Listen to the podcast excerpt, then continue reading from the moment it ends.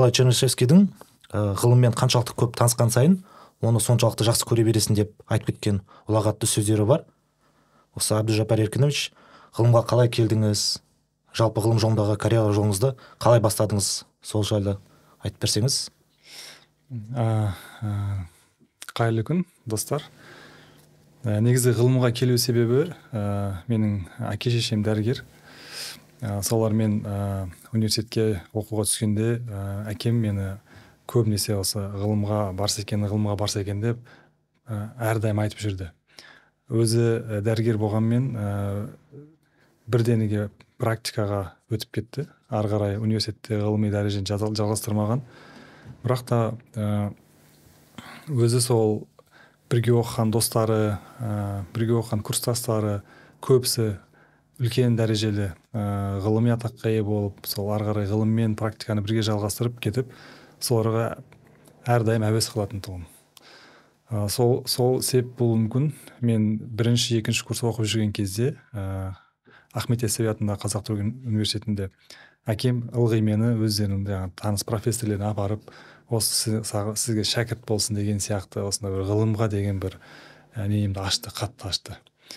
Ә, содан бесінші курста оқып жүріп ә, бір ғылыми жобаға қатыстым. Біздің калимужина балқия сағатына деген марқұм ә, кісі бар еді. Соның бір ғылыми проектіне қатысып ә, сол проектпен ә, жетінші курста ә, бір сайысқа бардым. Интерндер арасында сайыс. Сол жерде басқа өзім сияқты жастарды ғылыммен келіп әркім өзінің презентациясыны ғылыми жобаларын сол жерде бір сайыс болып сол кезде қатты бір не ықылас алғам одан басқа тағы бір ә, екінші ғылыми жобаға қатыстым. Ол эпидемиолог бірінші нефрологиямен байланысты тұғым негізі. Ә, екіншісі инфекционный болезнь жұқпалы аурулар. Ә, солармен ә, анарбаев ахмаджан дехқанбаевич деген кісі ә, ол да марқұм болып кетті қазір.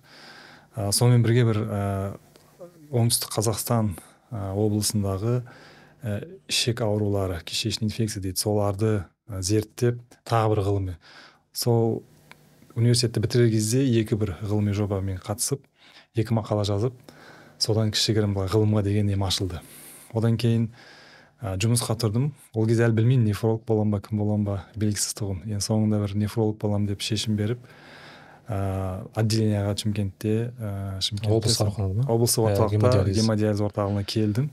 Сол жерде жұмыс істеп жүріп кейбір сол жерде келіп жүрген ә, деректерді науқастарды бақылауға алып былай өзімше бір ә, ғылыми жұмыс сияқты жазып жүрген кезде сол кезде дәрігер, дәрігерлер айтқан сен көп тұрмайсың бұл жерде сенің мына жүруіңмен сен ары қарай ғылым жасамасаң болмайды деп. Сол себеп болар сонымен ә, астанаға келдік. Тағы да өзіміздің ә, университетте сабақ берген мұғалімдердің ә, солардың қолдауымен ә, солардың тартуымен ә, нарман орынкүл жақсыбайна деген кісі болды.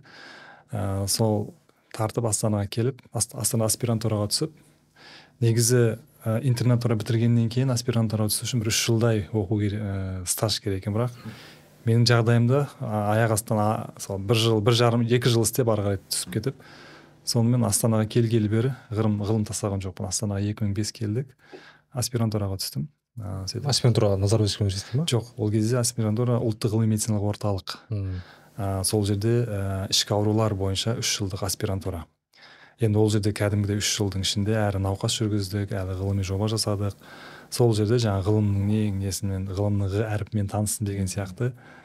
Ә, сол сол жерде менің жетекшілерім болды. Солар кішкентай ары бері жіберіп басқа ғалымдарды көрсетіп ә, сол жерде ғылыми жұмысым басталды жалпы айтқанда ұлттық ғылыми медициналық орталықта.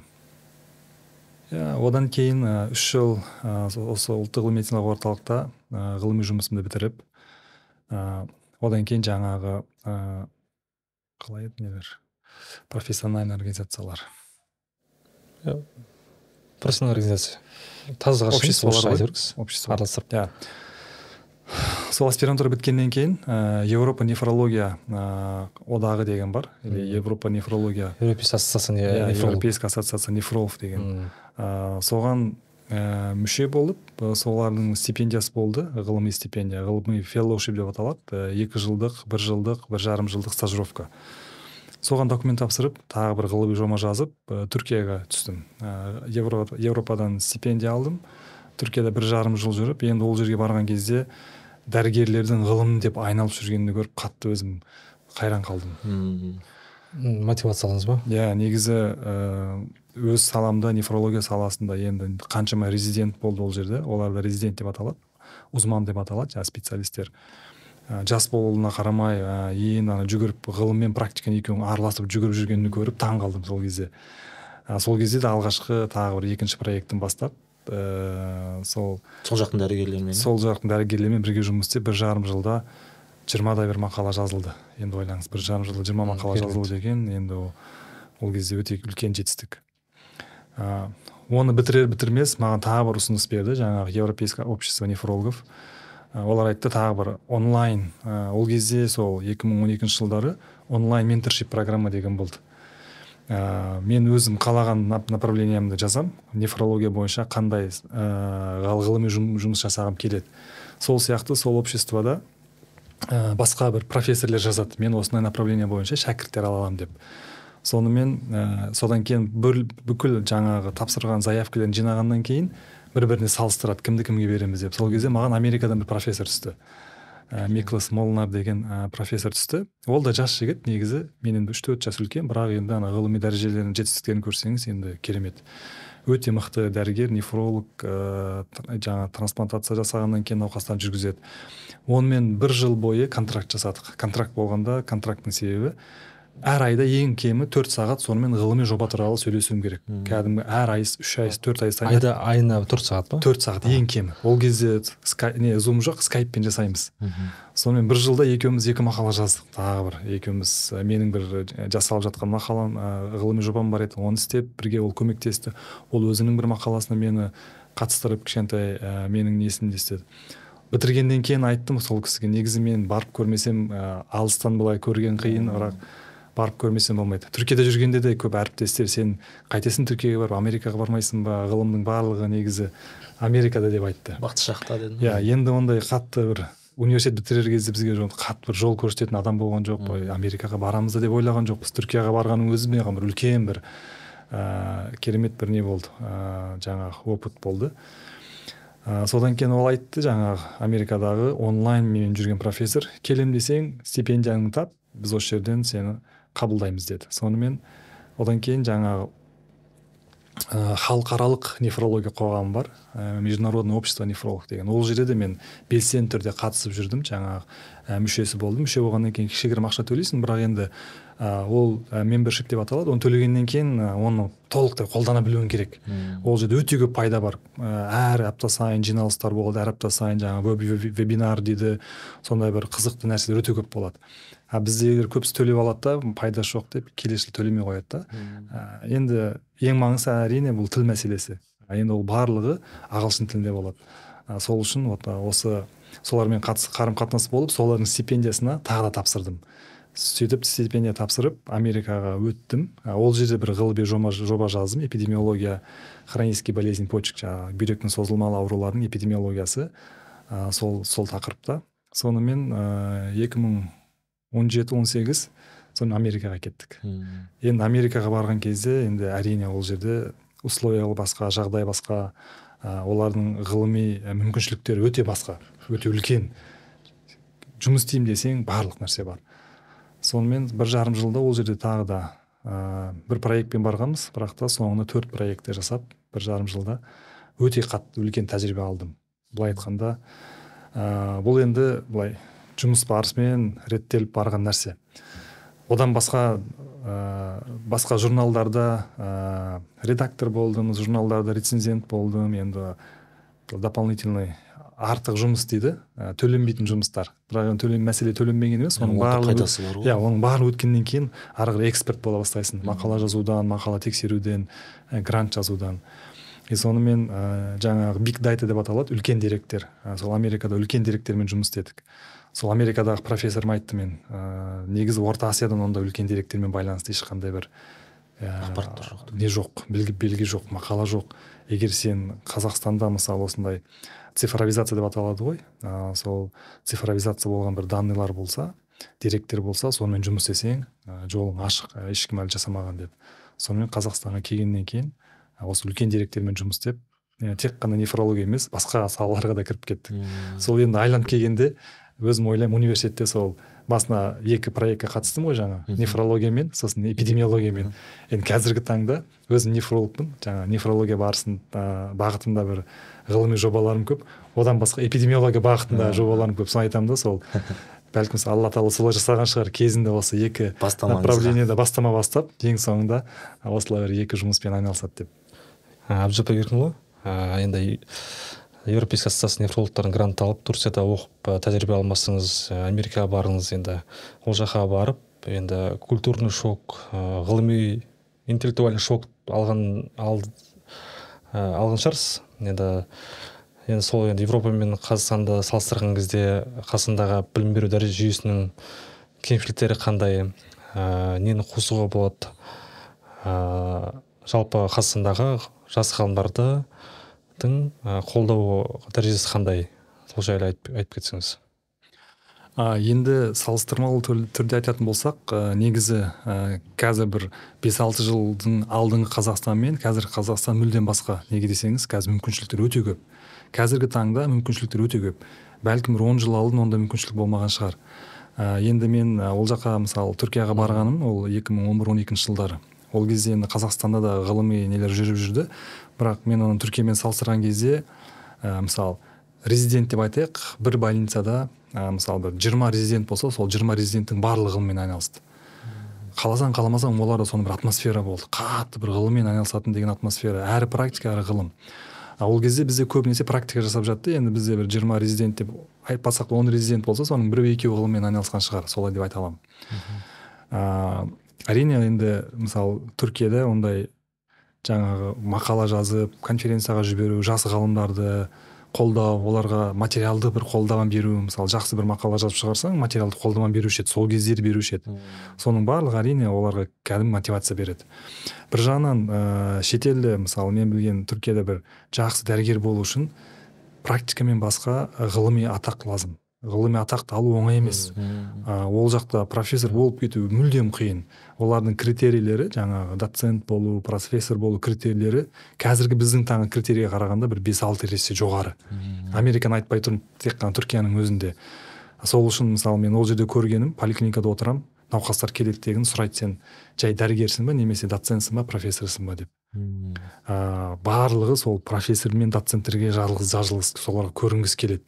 Неге десеңіз ә, расында да олай былай бір доцент болу или профессор болу өте қиын. Ол үшін адам бірнеше этаптардан өтіп бірнеше мақала жазып ол мақала бір өте бір ә, салмақты журналдарда шығып солай болу керек. Вот сол үшін адамдар енді талпынады жас дәрігерлер ғылым жасауға талпынады. Соны өте сонда көрдім. Ә, енді америкаға барсаңыз америкада ғылым енді жүйесі басқаша орнатылған. Ә, қазір мысалы біздің назарбаев университетінде екеуінің біздің медицина мектебі мен америкадағы медицина мектептерінің ә, ғылыми ә, жаңағы структурасы бірдей. Ә, неге десеңіз профессор боласыз ғылыми гранттар болса сол ғылыми грантқа өзіңіздің шәкірттеріңізді ала аласыз соларды қолдана аласыз. Екі жақтама қолдану былай симбиоз десек болады. Өте жақсы бір профессор және оның шәкірттері сол шәкірттері сол университеттің студенттері бір бірін қатты қолдау жасайды да. Солай. Ал енді қазақстанның ә, мен енді өз көзқарасымды айтайын бәлкім адасуым да мүмкін. Ә, қазақстанның мысалы бір алты жеті жыл алдыңғы мен қазіргі салыстырсаңыз қазір мүмкіншіліктер өте көп. Тек қана осы жоғары ә, жаңағы ғылым мен жоғары білім беру министрлігінде қазіргі таңда ә, ғылымға деген бюджет өте жоғары қарастырылып жатыр. Әр жылы бір екі есе бір рет екі реттен ғылыми, ғылыми жобаларға документ тапсыруға жария жасайды. Енді ғылыми дәрежесін арттырамын деген жазам деген адамдар өте көп. Қазіргі таңда өте көбейіп келе жатыр. Әбдіжаппар еркінұлы мысалы қазақстандағы медициналық білім беру жүйесі яғни бізде бакалавр 5 жыл оқытады интернатура екі жыл оқытады сосын резидентура екі жыл және төрт жылдың көлеміне. Яғни ол таңдаған мамандық бойынша. Жалпылама алатын болсақ 9, 10, 11 жыл көлемінде бізде қазақстанда медицина саласында яғни оқыту ә, специалистерді. Мысалы сіз жаңа турцияда болдым дедіңіз америкада болдым дедіңіз. Сол жақтағы осы оқу жүйесінің қазақстанмен салыстырғанда қандай артықшылықтары бар? Жалпы сол туралы айтып берсеңіз. Иә негізі ә, мен түркияға барған кезде ә, олар маған сен кімсің? деді. Маман бол, маман. Мен нефрологпын дедім. Яғни мен ол кезде негізі кәдімгі сертификатым бар лицензиям бар нефролог ретінде барғам. Бірақ олар мені жас екенім көрді сен әлі жассың ғой сен қалай нефролог болдың? деп сұрады. Сосын менің мен жалпы мен оқыған нәрселерді қалай нефролог болғанымды сұрады. Ә, сонда мен айттым мен алты жыл жалпы медицина оқыдым одан кейін бір жыл интернатура терапиядан оқыдым. Одан кейін ә, бір екі ай істеп жаңа бізде первичный специализация деген бар екі ай. Соны оқып нефрология деп алдым. Сөйтіп нефролог болдым деп айтқан кезде олар күлді ол қалай болады ол? Мүмкін емес қой олай нефролог болу біз өзіміз мына жерде әрең дайындаймыз нефрологтарды. Сендер қалай олай бол деп. Сөйтсем ә, түркияда нефролог болу үшін алты жыл жалпы медицина оқиды екен. Одан кейін бір жыл интернатура одан кейін төрт жыл терапия одан кейін барып үш жыл нефрология оқиды екен. Сонда ғана интернатура бір жыл төрт жыл терапия. Иә үш жыл нефрология. Енді ойлаңыз ортада қаншама жыл артық. Әрине оларда ә, дәрігер болу оңай емес. Түскен маман дәрі, ә, жаңағы медицина факультетінен түскен барлығы дәрігер болып шыға бермейді. Неге десеңіз өте қиын. Ә, мен де негізі сол дұрыс деп ойлаймын. Ә, негізі дәрігерді дайындауда асықпау керек. Дәрігерді дайындау үшін өте көп қаражат жұмсалады. Егер де біз сапалы дәрігер алуымыз керек болса біз оны қаражат жұмсауымыз керек. Былай тез шығарған дәрігер ә, мысалы мен өз өз басым айтайын мен Э, интернатурадан кейін жаңағы екі айлық нені оқып нефролог болғанда қаншама қате жасауым мүмкін. Қанша нәрсені мен оқып үлгермеймін. Ал ол практика үстінде дәрігер болады ол жақта. Бірақ әрине мен одан кейін үш жыл жаңағы терапия аспирантураға түскен кезде мен үш жыл терапия жаңағы ішкі аурулар нерін жүргіздім. Одан басқа ә, бірнеше елдерге барып жаңа нефрологияның әр әртүрлі саласын бойынша ә, бір айлық екі айлық бір жарым айлық сондай специализациялар өттім. Енді каким то образом былай қалай қарағанда да нефрология компенсация болды. Кішігірім терапия үш жыл терапия одан кейін нефрология. Бірақ ә, негізі маман дайындауды өте асықпау керек. Оны ә, бізде әрине маман жетіспегеннен қазір көбінесе ертерек маман шығарғысы келеді. Бірақ ол қысқа уақыт болғаннан кейін сапасы өте төмен болады. Енді американы айтатын болсақ америкада да сондай. Олар төрт жыл бакалавриат оқиды. Ә, бакалавриат химия биология сол медицинаның айланасында болмаса бір премедицина деген сол сияқты оқытады. Одан кейін барып төрт жыл тек қана медицина оқиды. Сонда жалпы қосқанда бір сегіз жыл ойлаңыз сегіз жыл кетті. Одан кейін тағы да мысалы өзім мамандығым бойынша немесе ішкі аурулар мамандығы бойынша гастроэнтеролог нефролог эндокринолог боламын десе міндетті түрде үш жыл терапия оқиды. Одан кейін екі жыл немесе үш жыл мамандығына байланысты кардиологтар үш жыл ә, гастроэнтерологтар үш жыл қалған қалған мамандықтар гематология нефрология пульмонология олар екі жылдан. Ол жақта да система дәл осылай. Бірақ енді олар ә, әрине қатты бір тексеруден қатты бір практикадан ә, сондай этаптардан өтеді. Ә, сол үшін мен жеке ойым ә, негізі маман дайындауда асықпау керек. Ә, маманды жақсылап дайындау керек. Ертең жас маман болғаннан кейін қате жасауы мүмкін. Өздеріңіз білесіздер қазір бізде бір медицинада бір қатты қате жасасаң сотталып кету ықтималы өте жоғары. Сол үшін қате жасағаннан кейін енді медицина болғаннан кейін бұл жерде жаңағы екі түрлі не бар? Біреуі халатность деп аталады біреуі медицинская ошибка деп аталады. Соны ә, соны ортасын жіктей алмаймыз да. А негізі медицинский ошибка жасаған үшін оны не істемеу оны қатты ә, сот кез сот ретінде оны не істемеу керек. Неге десеңіз ә, ол ондай ошибка бүкіл жерде болады. Ә, сол үшін сондай ә, қателіктерді жібермеу үшін ә, мамандарын дайындауда асықпау керек. Менің жеке ойым солай. ә, ол бізде бес жыл жалпы медицина оқып одан кейін екі жыл интернатура оқып немесе бір жыл интернатура одан кейін тікелей мамандыққа бару өте қате. Неге десеңіз ә, ертең олардан бір енді арасында жақсы дәрігерлер өте көп жаңағы сапасы бар өздері дайындалған бірақ жалпы алғанда ол система ертең дәрігерлерге қиын болуы мүмкін. Рахмет. Әбдіжаппар еркінұлы ә, мысалы бізде резидентурада ә, енді ол врач резидент деп аталады ғой бізде. И кейбір оқу орталықтарында қосымша жұмыс атқаруға рұқсат береді. Кейбір жерлерде рұқсат берілмейді жұмыс атқаруға. Ә, мысалы стипендия мәселесі ә, сол жаңа айтып отқан турция мемлекетінде америка мемлекетінде осы қазақстанмен салыстырғанда айырмашылықтары бар шығар деп ойлаймын мен өзім. Сол жағын айтып бере аласыз ба? Иә өте күшті сұрақ өте күшті сұрақ. Ә, мысалға материальный компенсациясы. иә түркияда резидент болу деген сөз америкада сондай шығар. Ол резидент деген әрең жүрген адамды көресің резидент болған кәдімгі айтқанда қара жұмыстың бәрін істейтін шаршап әрең ұйқысы қанбай жүрген бала резидент. Ә, неге десеңіз ол нагрузкасы өте жоғары ә, бір жағынан ғылыми жобасы жобалары бар ә, өте көп ә, жаңағы үстіне түскен нагрузкалар бар. Ә, бірақ бір жақсы оларға әр барған больницалары өздері үстінен ақша береді. Жаңағы мысалы түркияда дөнер сермая дейді. Ә, олар практика жасап жүріп тек қана стипендия емес больницадан айлық та алады. Айлық алғаннан кейін ол негізі бір студентке жеткілікті. Ол басқа жерде барып жұмыс істеуге ондай ә, біріншіден оған күші де жетпейді ә, мүмкіншілігі жетпейді неге десеңіз ана жерде жұмыс көп. Екіншіден ол ойламайды ол жағын. Америкада сондай. Америкада мен резиденттерді көрдім. Кәдімгідей түнден неден дежурстводан шығады одан кейін презентация жасайды ғылыми жұмыспен айналысып кетеді ары қарай жұмысын жалғастырып кетеді. Енді көрсеңіз қиналып жүреді. Ә, бірақ енді компенсациясы өте жақсы. Сол үшін басқа жерде істеуге мүмкіншілігі жоқ. Ә, ол сол больница берген ә, стипендиямен сол айлықты алады. Ә, бір жағынан тек қана өзінің мамандығына қатты көңіл бөледі. Жақсы маман болып шығу үшін.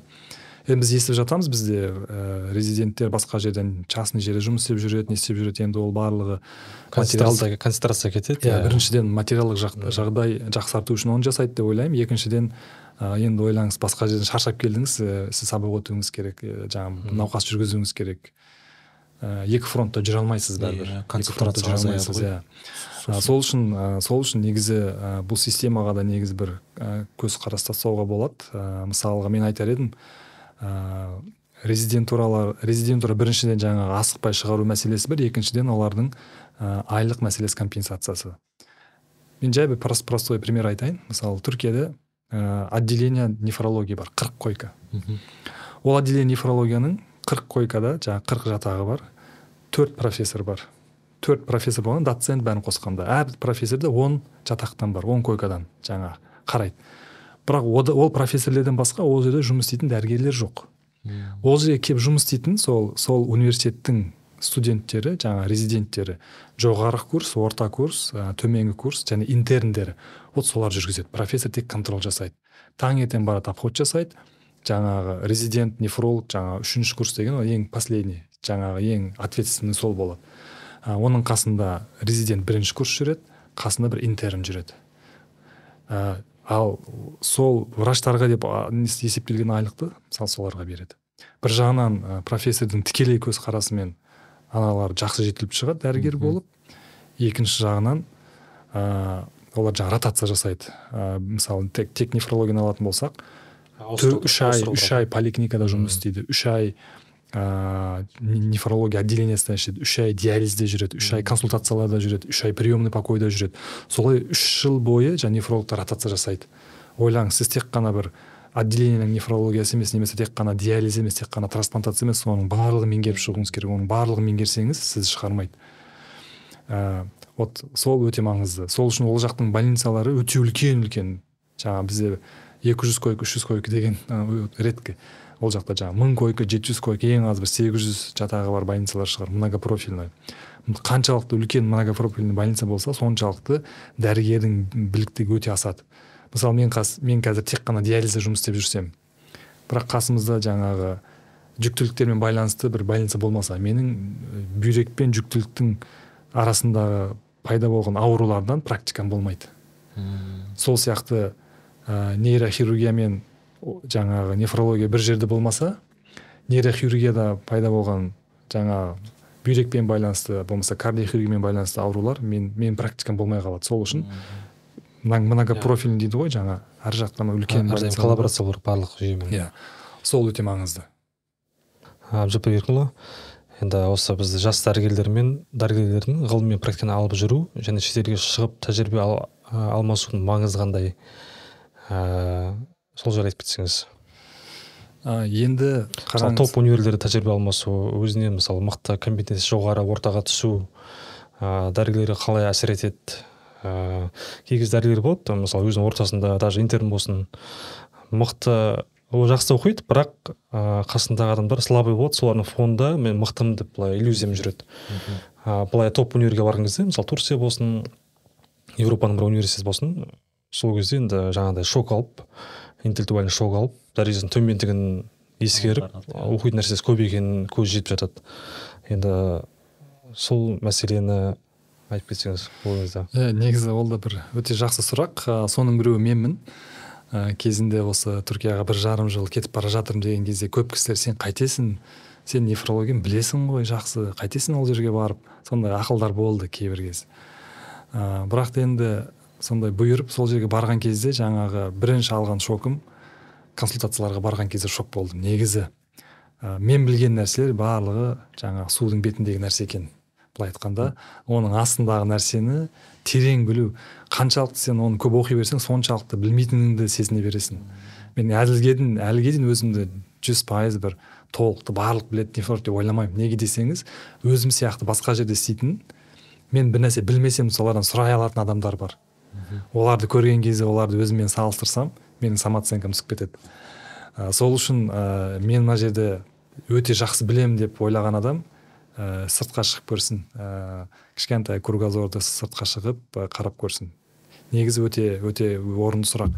Мысалы мен түркияға барған кезде үш ай бойы мен өте бір жаңағы интеллектуальный жаңағы как қалай айтсам болады бір сондай шокта жүрдім. Неге десеңіз протоколдар қолданылып жатыр. Кәдімгі науқастарға отношение басқа ә, жалпы дәрігерлердің жаңағы күнделікті дәрігердің өмірі өте басқа. Мен осы жерде бір кішігірім бір ә, салыстырмалы түрде айтып кетейін. Таңғы таңғы сағат сегізде жиналыс басталады. Жиналыстары завтракпен болады. Ойлаңыз. Әркім и сол жерде айтады мысалы алғашқы келген отыз адамға завтрак бар дейді қалғаны өзі алып келеді. Сонда сіздің отырған планеркаңыз завтракпен болады. Одан кейін сіз жүгіріп жүріп жұмыс істейсіз науқас көресіз сөйтесіз профессорың арып қасында екі сағат обход жасайды. Жүресің бәрін тыңдап істеп. Одан кейін обедте тағы бір презентация біреу доклад жасайды. Обед уақытында доклад тағы тамақпен өзің тамағың әкеліп жей аласың сол жерде. Немесе кейбір кезде сондай университет сондай тамақ дайындап қояды. Одан кейін обедтен кейін тағы науқастармен жүресің күнде жаңағы диссертацияң бар анауың бар мынауың бар оны істейсің. Кешке жақын тағы да сондай төрттен кейін бір жиналыстар болады. Олардың барлығы сондай бір. Сонда олар жеке шығып обед ішіп келейін деген бір ә, бір сағат уақыт кетпейді. Енді біздікін айтайық. Көбінесе таңертең шай ішіп келмейсің. Жарты сағат планеркаға бар мен өзімді айтып жатырмын басқалар айтып жатқан жоқпын ә, планеркаға барып келесің одан кейін давай чай, чай попьем дейсің отырасың. Науқас күтіп отырады. Ә, таңғы асты сол тоғыз бен онның арасында ішесің. Одан кейін ғыбыр сыбыр жаңағы науқастар көресің. Обедте тағы законный обедім бар дейсің бір сағат соны қолданасың. Ортада тағы полдинник деген бар анау бар мынау бар. Негізі мынандай тайм менеджмент мәселесі өте маңызды. Бізде қазір дәрігерлерге қарасаң рутинадан шықпаймыз. Ананы істейміз мынаны істейміз. Ол бір мәселе екінші мәселе айлық төмен болғаннан кейін бірнеше жерде жұмыс істейсің. Енді ол әрине қиын. Бірақ тайм менеджмент мәселесі өте маңызды. Ана жақтағы мен тайм менеджментті көрген кезде таң қалдым қалай үлгереді? Адам айтады бір, бір ол жерде де бір сағат уақыт бар. қырық бес минутта бітіреді де жүр он бес минут қалды ана бір нәрсені жазып жіберейік дейді. Ей қоя тұрсайшы демалып алайық е не демаласың? Отырсың ғой демалып. Сен тас көтеріп жатқан жоқсың ғой дейді. То есть мен ол кезде қатты бір миым шаршап жүрді ана аналардың істеп жатқан нәрсесін үлгермеймін қарап. Ә, тек содан кейін ол, ол айтады мен сен мен айтасың дейді мен мен мен қарап жүрген маған қарап жүрген дәрігердің істеп жүргеніне мен таң қаламын ол айтады сен маған таң қалма мен саған басқа біреуін көрсетейін дейді. Сен басқа қалаға бар басқа нефрологты көрдік. Енді ананың қасында жүрсең өліп қаласың негізі. Жұмыс деген ана продуктивность өте жоғары. Кез келген уақытта ұтымды пайдаланады да. Иә ғылыми жобалар бір бірнеше ғылыми жобалар бар. Ананы да істейді мынаны да істейді. Қалай үлгересіңдер деймін ғой? Болған сайын энергиясы арта береді ғой. Иә үлгеремін дейді. иә, бір мың бес жүз науқасы бар қарайтын. Әр апта сайын звондап жағдайын сұрайды. Ана ә, обсервационный исследование дейді наблюдательный фоллоу ап сонда бір бір мың бес жүз науқасқа өзі әр үш ай сайын олар приемға келеді оған. И оның сонда бір ғылыми бір жобасы бар. Соларды тоқтамай қарайды мысалы. Ойлаңыз қалай үлгересің десем әйелім екеуміз отырып аптаның соңы звондаймыз бір бірлеп дейді списокпен звондап өздері келген келеді келмесе жағдайын сұрап сөйтіп жаңағы тіркеп отырамыз дейді нелерге. Енді сондай. Біз сияқты той томалақ көп емес. Иә, бізде амбулатория болсын стационар болсын көбінесе дәрігерлер жаңағы шаблонный бір он диагноздан айналасынан шықпай қалады. Сол бір лечение бір протокол ғылымға деген подход демотивация. Может быть жаңағы оған себеп еще ә, мысалы қазіргі таңда мен осы байқаған тенденциям соңғы осы үш төрт жылдың көлемінде ургентный больницаларда. Мысалы врач санын қысқартады да науқастардың санын арттырады яғни саған берілетін. И соның салдарында көп дәрігерлердің мысалы дежурство мәселесі болсын былай ә, күнделікті шығып жүретін дәрігерлер ол нагрузка артқан сайын ә, олардың сол мамандыққа деген құштарлығы махаббаттылығы соңғұрлым төмендеп жатыр. Мен сол сол тенденцияны көріп жүрмін. Себебі өзім айналамдағы көп дәрігерлер ә, уже алды мысалы сүйіп жұмыс істегісі келетін мамандықтарына қазір уже уақыт өте келе сондай нагрузканың салдарынан. Жай жай былайша айтқанда отвращение дейді ғой сондай пайда болып отыр. Иә ол ә, physician burnout деп аталады или выгорание профессиональный выгорание. Негізі ә, америкада мынандай нәрсе бар. Егер де бір дәрігер қандай да бір қате жасаса немесе жұмысында бір асқа жаңағы ас, жаңағы асқыну бір нәрселер болып жатса олардың сондай комиссиясы бар. Олардың бір тесті бар кәдімгі. Тест жасайды. Психолог келеді да ә, тест на профессиональный выгорание дейді. Ойлаңыз. Отқысып қойып сонымен тест жасайды. Егер де тестте егер олар анықтаса сізде жаңағы профессиональный выгорание деген анықтаса сізге кәдімгідей екі апта оқу екі апта отпуск береді сондай бір жағдайлар жасайды. Ана адам өзіне келсін. Ал егер ол жаңа профессиональный білімінің төмендігінен байланысты болса онда оқуға жібереді. Сондай бір нелер көп. Решениесі күшті екен иә. тағы бір нәрсе бар. Мысалы енді поликлиника туралы айттыңыз ғой жаңа. Ә, мысалы қараңыз мен түркияға барған кезде алты ай поликлиникада отырдым. Енді ана жерден кәдімгідей шаршап шығасың. Отыз науқас обедке дейін қарайды сол отыз науқасты анализдерімен обедтен кейін обедтен кейін қайтадан қарайды. Бір күнде алпыс науқас қарау мүмкін емес негізі. Ә, мәселе ол 15 минут қарағанда емес мәселе организация солай жасалынған. Сен сағат он екіге таяу келсең де сені анализ ала алады. Түсіндіңіз ба? Бізде қалай бізде таңғы сегізден онға дейін анализ дейді он бірге дейін. Одан кейін қалды бәрі. Мысалы мен қазір приемда отырамын маған келген науқас обедтен кейін келеді. Анализ тапсыру үшін ол ертесі күні барып тапсыру керек. Ана жақта мысалы түркияда ондай емес тұғын. Анализ деген ол мәселе проблема емес лаборатория круглый сутки істейді біздің экспресс лаборатория сияқты істейді жұмыстарды. Маған таңғы сегізден он екіге дейін келген науқастарды екіден кейін қайтадан қабылдай аламын. Бірден кейін соңына дейін. Солай жасалынған. Өте керемет мысалы. Одан кейін әрине жаңа дәрігердің қасында жаңа ол дәрігер дегеніміз де жаңа нефролог үшінші жыл оқып жүрген өзі қабылдайды. Тек қана бір сұрақ болса ғана профессорға трубканы көтереді. Профессор всегда әрдайым қасында телефонда отырады. Егер де бір көмек керек болса енді профессор действительно профессор оның басында бүкіл жаңа кей жаңа случайлар оқиға, оқиғалар энциклопедия сияқты. Оған айтасың маған осындай осындай науқас келді осындай шағымдары бар осындай осындай не болды не істеймін. Ол айтады бір екі үш төрт бес алты жеті мынаны істе дейді болды. Саған кәдімгі бір көмек береді да. И трубканы қояды жалғастыра бересің. Сондай жаңағы дайрект индайрект супервижн деген бар. Тікелей тікелей емес ыыы не дейді жаңағы наставничество.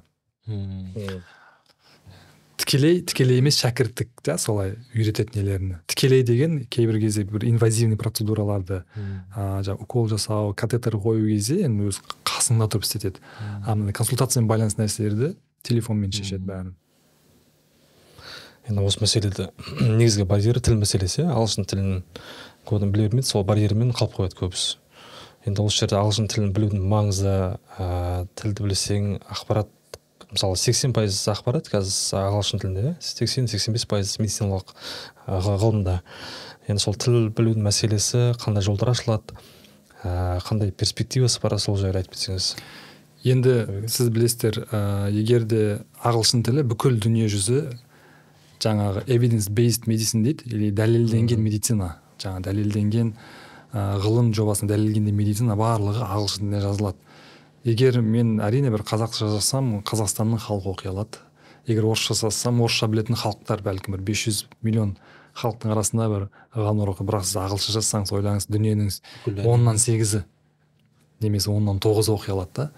Сол үшін ә, қытайдан болсын индия пакистаннан болсын европадан болсын америкадан болсын қай жерден болсын ғылыми жұмыстар жаңа ә, негізі жаңа практикалар гайдлайнларға байланысты ғой. Руководство деп аталады. Ә, жаңа протокол протоколдар қайдан келеді? Протоколдар аспаннан түспейді протоколдарды осы ғылыми жұмыстардың нәтижесінде шыға келеді. Өзіңіз көрдіңіз ғой мысалы коронавирус кезінде біздің протокол үш айдың өзінде он, есе ауысып отырды. Yeah. ол да жаңағы дәлелденген медицинаға байланысты. Ол данныйлар ол деректер де ағылшын тілінде жобаланды.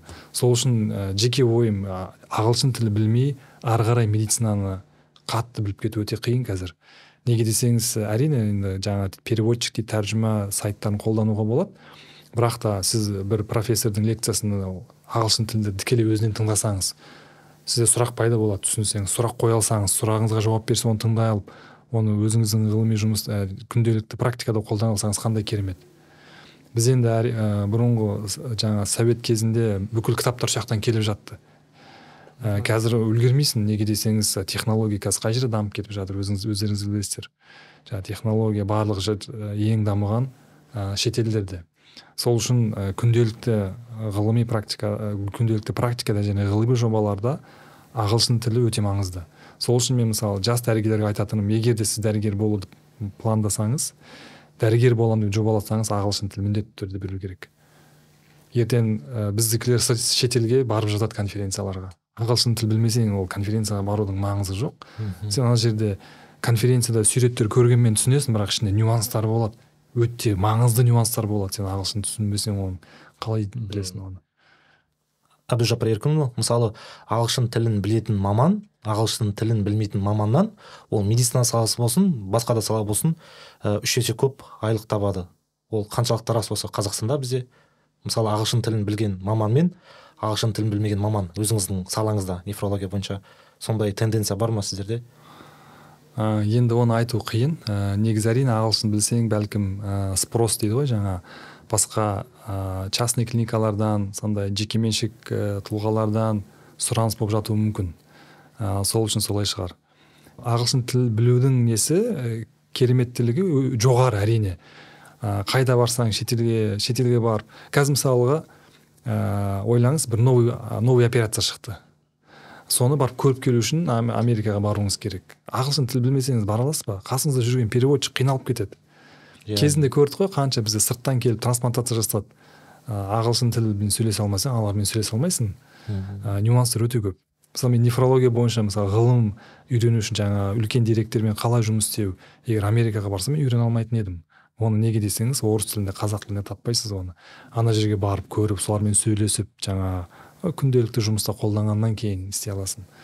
Сол сияқты мен қазір нефрологиядан әр жылы бір екі үш өте үлкен мысалы дүниежүзілік конференциялар болады. Егер барсам ә, егер ағылшын тілі білмей барсам мен жай турист болып барып келемін. Бәлкім адамдармен танысамын кішігірім не істеймін бірақ ә, егер ағылшын тілі барсаң сен дос арттырасың ана жерде жаңағы нетворк деп аталады. Профессорлармен сөйлесесің өзіңнің ойыңды айта аласың өзің сұрақтарыңды қоя аласың. Ә, бір жағынан жастарға ол кішкене мотивация болады да. Сол үшін ә, жас дәрігер біріншіден ағылшын тілін білу керек екіншіден міндетті түрде шығу керек сыртқа шығып қарау керек. Шықпаса ә, өкінеді сосын.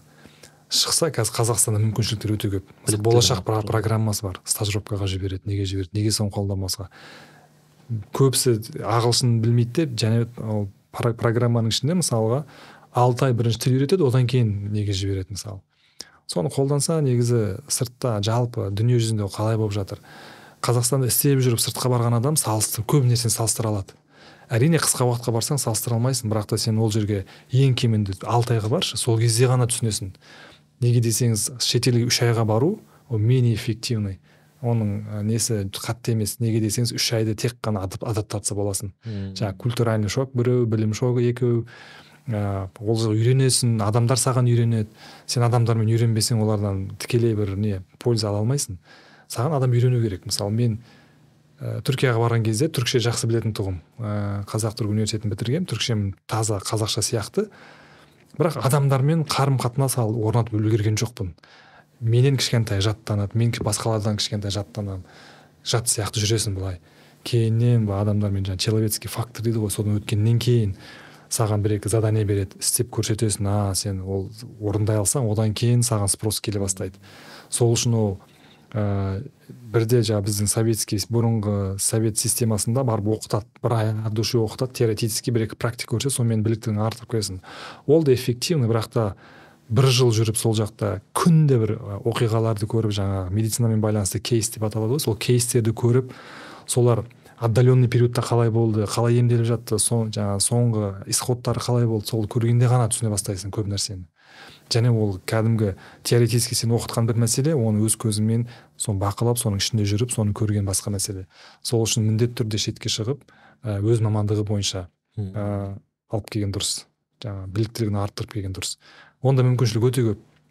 Ә, мен жеке басым мысалы нефролог болғаннан кейін жаңағы европа нефрология одағы және ә, ол жаңа халықаралық нефрология общество солармен арқылы қатты солармен көп жұмыс жасадым. Солардың көмегімен мен өте көп пайда алдым. Әрине бәлкім мен қырық евро елу доллар жаңағы мембершип төлеп жүрген жүйеге жүйесі болу үшін төлеп жүрген шығармын.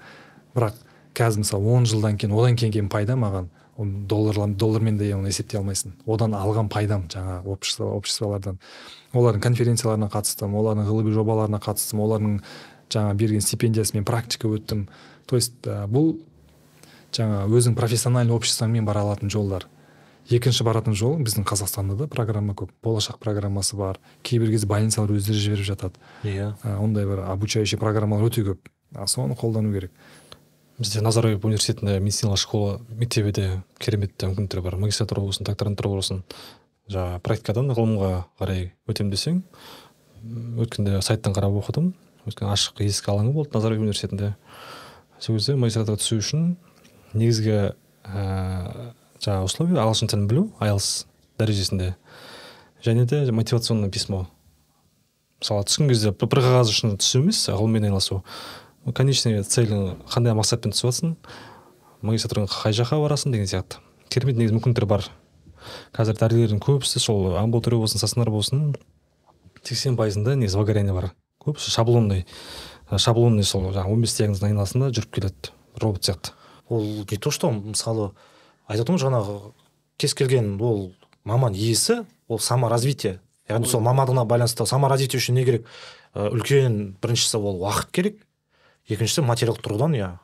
Қазір көбінесе материалды ә, тұрғыдан акцент концентрация сол жаққа кетіп қалды да. Жаңағы наука қалып қойды көбісінде.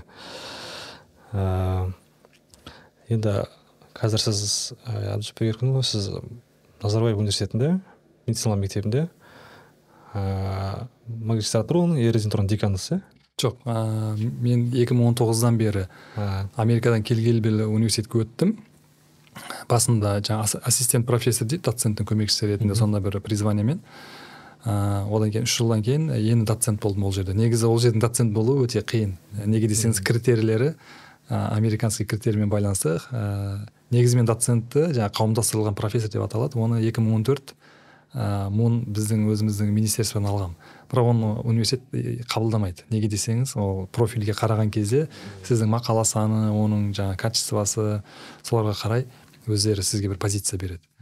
Ә, қазіргі таңда мен ол жерде қауымдастырылған профессор болып жұмыс істеймін. Әрі ә, резидентура программасы бар. Жаңағы дәрігерлер бітірер кезде резидентураға түседі. Сол терапия үш жыл терапия соған қараймын. Соның программа сол программаның директоры боламын. Және нефрология феллоушип деп аталады. Жаңағы үш жыл терапиядан кейін нефрология оқитындары тоже мен қараймын. Жалпы қазақта сөз бар ғой енді қазақта емес жалпы әлемде. Ғылым байлықтан қайырлы. Өйткені малды сен қорғайсың ал ғылым болса сені қорғайды. Ғылым бағындырушы байлық бағынушы. Байлық берсең азаяды білім берсең көбейеді демекші. Қазіргі жастарға жас ғалым болғысы келетін өсіп келе жатқан өсіп келе жатқан ұрпаққа ә, қандай кеңес берер едіңіз? Ә, магистратураға түскісі келетін мысалы докторантураға түскісі келетін ә, мысалы постдипломный образование дейді ғой. Мысалы көп ә, біздің интерндер бітіргеннен кейін ә, көп жағдайда өз жолын таппай қалады. Жаңағы амбулаторияға келіп ә, сол жақта өледі. Жаңағы амбициясы. Ортасын таппайды өзінің. Ә. ә, негізі өте күшті сұрақ. Ә, неге десеңіз ә, тек қана практикада жүріп жұмыс істесең де кейбірге шаршап кетесің. Ә, ғылыми жұмыстармен. Неге дегенде практикада жүрген адамда негізі сұрақ көп болады. Ә, кейбірге сен көрген науқас кітаптағыдай болып шықпайды. Сен бір сұрақ туындайды. Бірнеше жылдан кейін сол сұрақ қайтадан туындайды. Ондай сұрақтар көбейе бастады. Ал егер ә, дәрігерде сондай бір методологический подход деп аталады сондай бір ә, сондай бір қабілеті болмаса ол сұрақ сол қалып кетеді да. Бірақ ә, егер ол дәрігердің ғылыми бір ә, процестен өткен болса жаңағы магистратура оқыған болса докторантура оқыған болса оның көрген жаңа оқиға деп аталады болса ағылшынша кейс случай. Соған қарай оның бір ғылыми жоба шыға бастайды. Ол соны зерттей бастайды. Вот сол кезде егер әр дәрігер бізде осындай бір қабілетке ие болса көрген науқасыны ә, түсіне алмаған сұрақтарыны ғылыми жобаға жатқызса жаңағы clinical question деп аталады клиницкий вопрос. Әр науқас көрген кезде саған бір сұрақ келеді. Неге олай деп. Кітапта олай емес қой гайдлайнда олай емес қой. Сол кезде сен сұрақ туындайды. Егер сол дәрігерде сондай бір мүмкіншілік болса ғылыми жұмыспен айналысуға ол соны бір қағаздың үстіне түсіріп проект ретінде беріп содан мысалы жеңіп алуға болады да. Сол үшін ә, мысалы бізге қазір біздің университетте әрине өте ғылымға деген ә, программа өте керемет. Ә, енді басқа университеттерде қалай екенін білмеймін бірақ ә, біздің университеттегі ғылыми подход ішіндегі жаңағы бүкіл структурасы шетелдікіне ұқсайды америкаға ұқсайды. Ә, бізге келген магистратураға келген мысалы бізде бес түрлі магистратура бар біздің медицина мектебінде. Оның ішінде молекулярная биология бар ә, спорт медицина реабилитация бар. Одан кейін фармакология токсикология бар. Одан кейін ә, жаңағы ә, общественное здравоохранение бар. Сол сияқты магистратуралар бізде көп. Кейбір кезде бізге осы қазақстанның басқа университеттерінен студенттер келіп түседі. Жаңа сіз айтқандай тек қана ә, келе шартты нәрсе бұл айлс алты бүтін бестен жоғары болу және мотивационный письмо жазу эссе жазу. Одан кейін собеседование өту. Сол түлектер екі жылдан кейін қатты өзгеріп шығады мен байқағаным. Мен қазір бізде бітірген осы бір төрт бес түлек бар. Мен өзім жобаларымды істейді. Енді керемет. Ә, енді олар кәдімгі екі жылдың ішінде қалай былай ә, жаңағы жүз сексен жүз сексен пайызға ғылыми жоба жағынан ауысып кеткеніне таң қаламын да. Ә, сол үшін ә, негізі ә, мен ұсынар едім егер де сыртқа шығу мүмкіншілігі болмаса ә, бізге түссін. Неге десеңіз ә, біздің программалар ғылымға өте қатты қадағаланған. Ғылым жасауда қаражат бөлінеді. Мысалы мен өзім қазір үш, үш ғылыми проектім бар. Екеуі университеттің ішінен жеңген ғылым ә, проектім. Біреуі жаңа ә, министерство образованиядан алған. Сол проекттерге мен сол студенттер қосылады. Сонымен бірге жұмыс істейді. Бүкіл база дайын. Тек қана істесе болды. Ә, сол үшін менің ұсынысым ә, мүмкін болса бізде одан басқа программалар да бар. Егер магистратура бітірсе докторантураға бара алады. Докторантура төрт жыл. Ә, біздегі докторантураның кереметтілігі стипендиядан басқа біз ол докторантты өзіміздің ғылыми жобаларға жалдаймыз. Ол әрі өзінің диссертациясыны біздің ғылыми жобамен бірге жасайды бізден әлі айлық алады стипендия алады. Материалды жағдайда негізі қатты қиын болмайды. Бір жағынан ә, егер мен ғылыми жетекші болсам ә, мен ол ғылымды өзім жасайтын болсам менің уақытым жетпейді. Менің сабағым бар барлығын контроль жасауым керек тағы приемдарым бар. Сол үшін маған біреуін жалдаған оңай. Ә, мен айлық алмай ақ қояйын ол проекттен бірақ та мен жалдайын. Сол кезде ана мен жалдаған біздің студентке де жақсы болады. Ол әлі айлық алады. Әлі де сол бағытта басқа жаққа алаңдамай басқа жақтан жаңағы источник финансирования іздемей сол жұмысты істейді. Сол үшін өте маңызды. Біздің университетте енді қазір ә, резиденттерді түлектер шығып жатыр. Енді қазіргі отзывтар енді біз ә, сол біздің таңдаған врачтардың арасында қарамағында жүреді. Басқа клиникаларда больницаларда ауруханаларда. Олардың беріп жатқан характеристикалары өте керемет. Әрине біз енді адам саны аз бірақ та келешекте көбейеді деп ойлаймын. Сол үшін ә, егер бізге түсудің бір несі жаңа ағылшын тілі білу керек. Неге десеңіз бүкіл сабақтар ағылшын тілінде бүкіл жаңағы дәлелді информациялар дәлелді медицинамен байланысты информация ағылшын тілінде. Барлығына бізде ә, сілтеме бар доступ бар. Ә, және біздің программа кішігірім ә, жаңағы инновационные технологии преподавания деп аталады. Солармен жүргізіледі. Жаңағы CBL деген бар кейс based team based learning деп аталады. Одан кейін problem based ә, сондай бір ә, дидактикс деп аталады. Ә, симуляционный кейстермен жүргізіледі. Кеше ә, ашық күнге барған болсаңыздар көрген боларсыздар. Ә, осы соңғы екі жылдың көлемінде қазақстаннан төрт мыңнан астам мамандар именно медицина саласы бойынша яғни ол қандай мамандар? Шетел тілін білетін потенциалды мамандар ғой солар ә, шет, асып басқа мемлекеттерге жұмыс істеуге кетуде. Осыған басты иә утечка мозгов деп аталады. Енді соған басты себеп не деп ойлайсыз өзіңіз? Сосын сол өзіңіз солардың арасында таныстарыңыз бар ма? Негізі таныстарым көп иә. Мысалға германия жол ашты иә. Бүкіл осы совет одағынан бүкіл мемлекеттерден германияға барып жатыр. Олар дәрігер жетіспегеннен олар осындай тіл, тіл бірінші этап тілді өтесін екінші этап сол ыыы өзің мамандығың бойынша практика жасап одан кейін ары қарай дәрігер болып кетесің. Өте көп таныстарым бар әрине. Енді бізге де осындай ұсыныстар келді басында. Түркияда жүрген кезде қаласың ба америкада жүрген кезде қалатын ойың бар ма деген. Енді біздің мақсат барып сол жақтан бір білім алып қазақстанға алып келу болды. Ол жақта қалып кетіп жұмыс істеу болған жоқ. Ыыы енді алғашқы себеп ә, негізі условия деп ойлаймын. Жағдай жақсы жағдай жасалмағаннан кейін ә, енді әртүрлі жағдаймен көшетіндер бар. Ә, мен білетін кейбіреулері енді действительно потенциал өте жоғары ә, бірнеше тіл білет ә, енді оларға сол жаққа барып жұмыс істеу қызық болды да. Әлде болса араларында кейбіреулер сол жаққа барып білімімді арттырып алайын бес алты жылдан кейін қайтып келем дегендер бар. Енді қайтып келсе нұр үстіне нұр. Ал келмесе олар біз оларды жоғалттық деген сөз. Ә, мен білетін бір жігіт болды енді атын айтпай ақ қояйын. Ә, сол жаққа барып екі жылдан кейін қайтып келген кезде әңгімелестік осы сендермен отырған сияқты. Ана жігіт 360 дереже өзгеріп кеткен. Сана сезім өзгерген сөйлесу қабілеті өзгерген. Енді ана білмеймін екі жылда оларға не істеді ол жақта бірақ ана сапасы көрініп тұр ананың. Бірақ қаншалықты қиыншылықтан өткенін бәрін көрді. Ол, ол да айтады мен мына жақта барлығын білем деп жүрсем ана жаққа барған кезде қиналып қалдым деп. Ә, сол үшін өте маңызды шетелге барып тәжірибе алып келу. Енді осы кетіп кетіп кетіп жатқандары мен ойлағаным сол айлық мәселесі болса керек. Ә, одан басқа да мәселелер болуы мүмкін жағдай мәселесі болуы мүмкін. Ә, оларға жақсы жағдай жасалмаса әрине жастар кетіп қалады. Қазіргі жастардың барлығы ағылшын біледі. Қазір біз дәрігерлерге жағдай жасамасақ сапалы дәрігер шығарып оларға бір сапалы айлық бермесек ертең олар басқа жаққа кетіп қалуы мүлдем үлкен мүлдем жоғары. Қазіргі жастар енді білесіздер мектептен жаңағы садиктен бастап ағылшын үйретеді. Иә ә, мысалы қазір екі біреудің үйінде бала шағасы ағылшын сөйлеп жүреді. Фундамент жақсы тез алып мысалы ертең олар бітірсе олар оларға біз жағдай жасамасақ олар кетіп қалады мысалы. Германияның политикасында ғой. Самый потенциальный граждан со всего мира өзіне фильтрден өтіп өзіне ұстап қалғысы келеді америкада солай барлығы адам капитал деген. Иә. Әбдіжаппар еркінұлы осы сіздің зерттеулеріңіз проекттеріңіз осы қазақстан ғылымына деген қандай үлесі бар? Енді бағана мен басында айттым негізі мен екі, екі направление бойынша екі бір бағытта жұмыс істеймін. Біріншісі нефрология бағыты бойынша.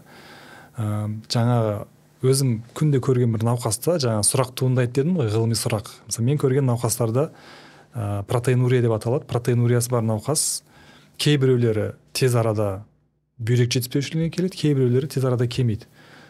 Кейбірге салыстырып қаласаң протеинуриясы жоғары болса да бүйрек жетіспеушілігіне келмейді ә, а кейбіреулердің протеинуриясы төмен ә, бірақ тез арада диализге түсіп қалады да жаңағы бүйрек жетіспеушілігі болып. Сонымен сұрақ туындады да неге осындай екі бірдей науқас давлениесі жақсы басқа бір ауруы жоқ бірақ протеинуриясы бар?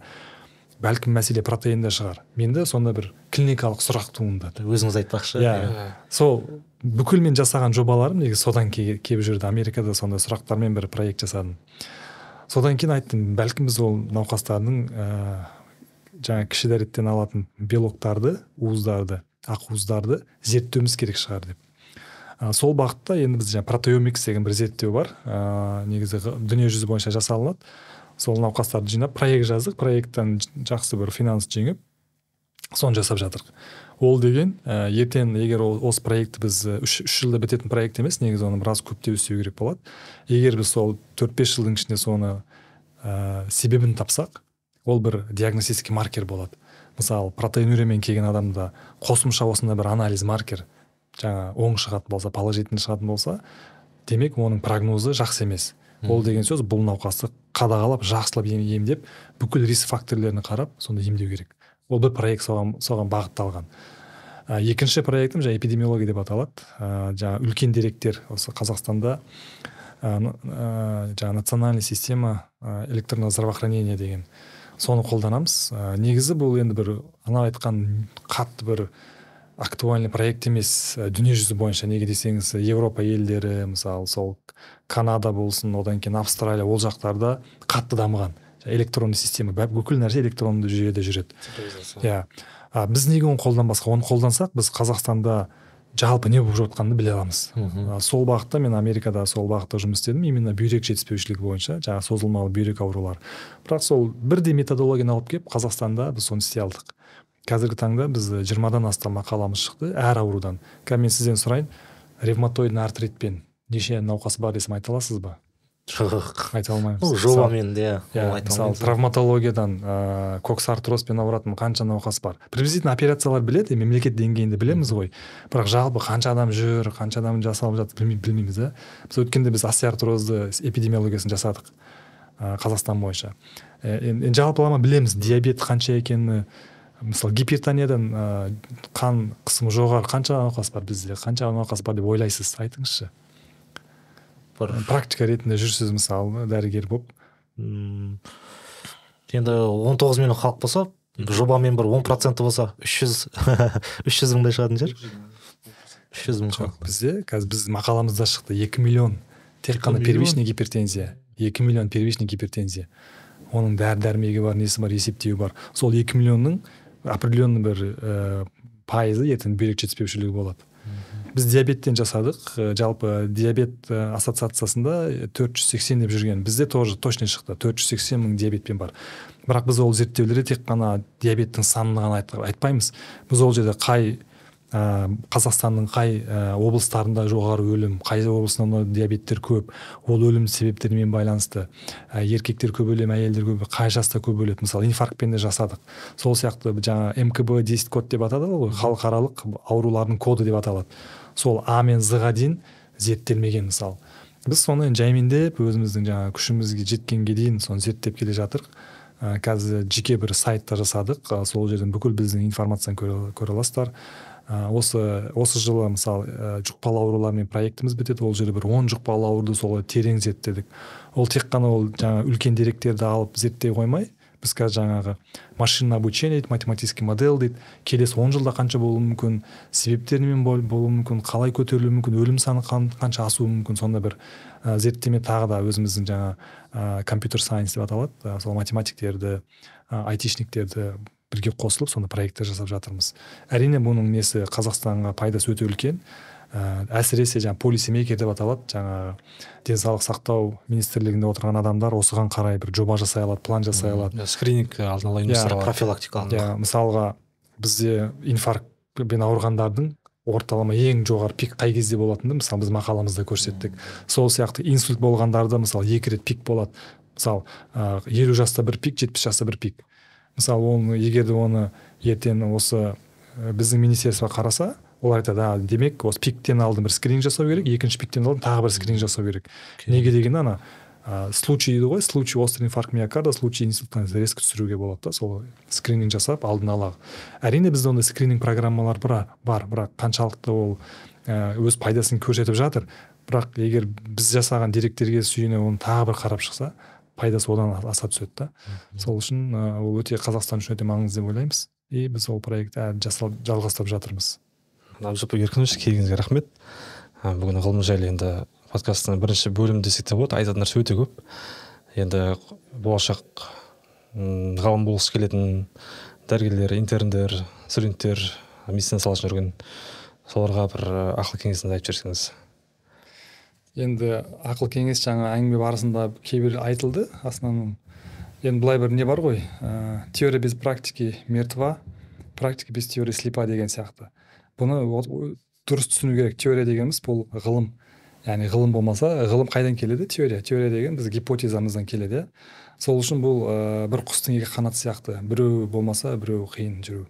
Сол үшін ә, менің жастарға айтатыным ә, міндетті түрде ә, медицинаға келдіңіздер ма тек қана практикующий емес ә, мүмкін болса жаңағы академия мен медицинаны бірге алып жүрген дұрыс ә, біз енді академияда тек қана университетте істейді деген бір ой келеді да. Негізі жалпы қалалық ауруханалар болсын басқа бір ә, біз енді ұлттық ғылыми орталықтар өте көп қой.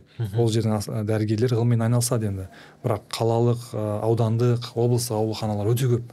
Ол жерлерде енді қаншалықты ғылыми жұмыстар жүргізіліп жатыр оны білмедім.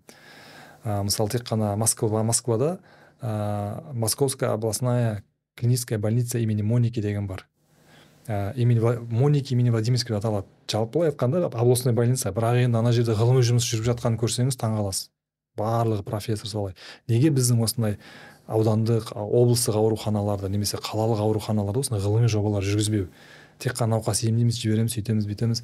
Бірақ жаңағы айтқандай ә, дәрігер болғаннан кейін мыңдаған сұрақ туындайды. Егер сен сұрақты теорияға жатқызып соны зерттемесең ертең қалып кетеді оның барлығы. Сол үшін мен жастарға айтатыным келешекте бәрібір мен меніңше осындай бір ә, жаңағы конкуренция болады. Кім ғылым жақпен бірге жүреді практиканы алып кім тек жеке практиканы алып жүреді. Сол үшін қазірден бастап ағылшын тілі үйрену керек. Ол бір мәселе. Екінші тек қана осы резидентура бітірмей ары қарай магистратура докторантура ә, солай бітіру керек. Ә, тағы бір айтатыным докторантура бітірген кезде жай докторантура дипломын алу емес докторантура деген мәселе ол докторантураны бітіргеннен кейін независимый исследователь деп аталады independent researcher жаңағы жекемен қалай айтсақ болады. Егемен ғалым егемен ғалым егемен ғалым деген сөзіміз иә independent researcher. Ә, ол дегеніміз сен ертең өзің бір ғылыми жома ұсына аласың өзің практикаңа байланысты сол жобаны жүргізе аласың сол жобаның нәтижесін жаза аласың жұртқа көрсете аласың сол жобаның нәтижесінде практикаға енгізе аласың. Вот сондай бізге бір өте маңызды сапалы ғалымдар дәрігерлер керек. Сол өте маңызды. Әр дәрігер өз саласында реаниматолог болсын нефролог болсын акушер гинеколог болсын қай салада болсын педиатрия болсын егер әр адам осы саланы алып жүрсе ә, медицина деңгейі өте жоғарылайды өте жоғарылайды.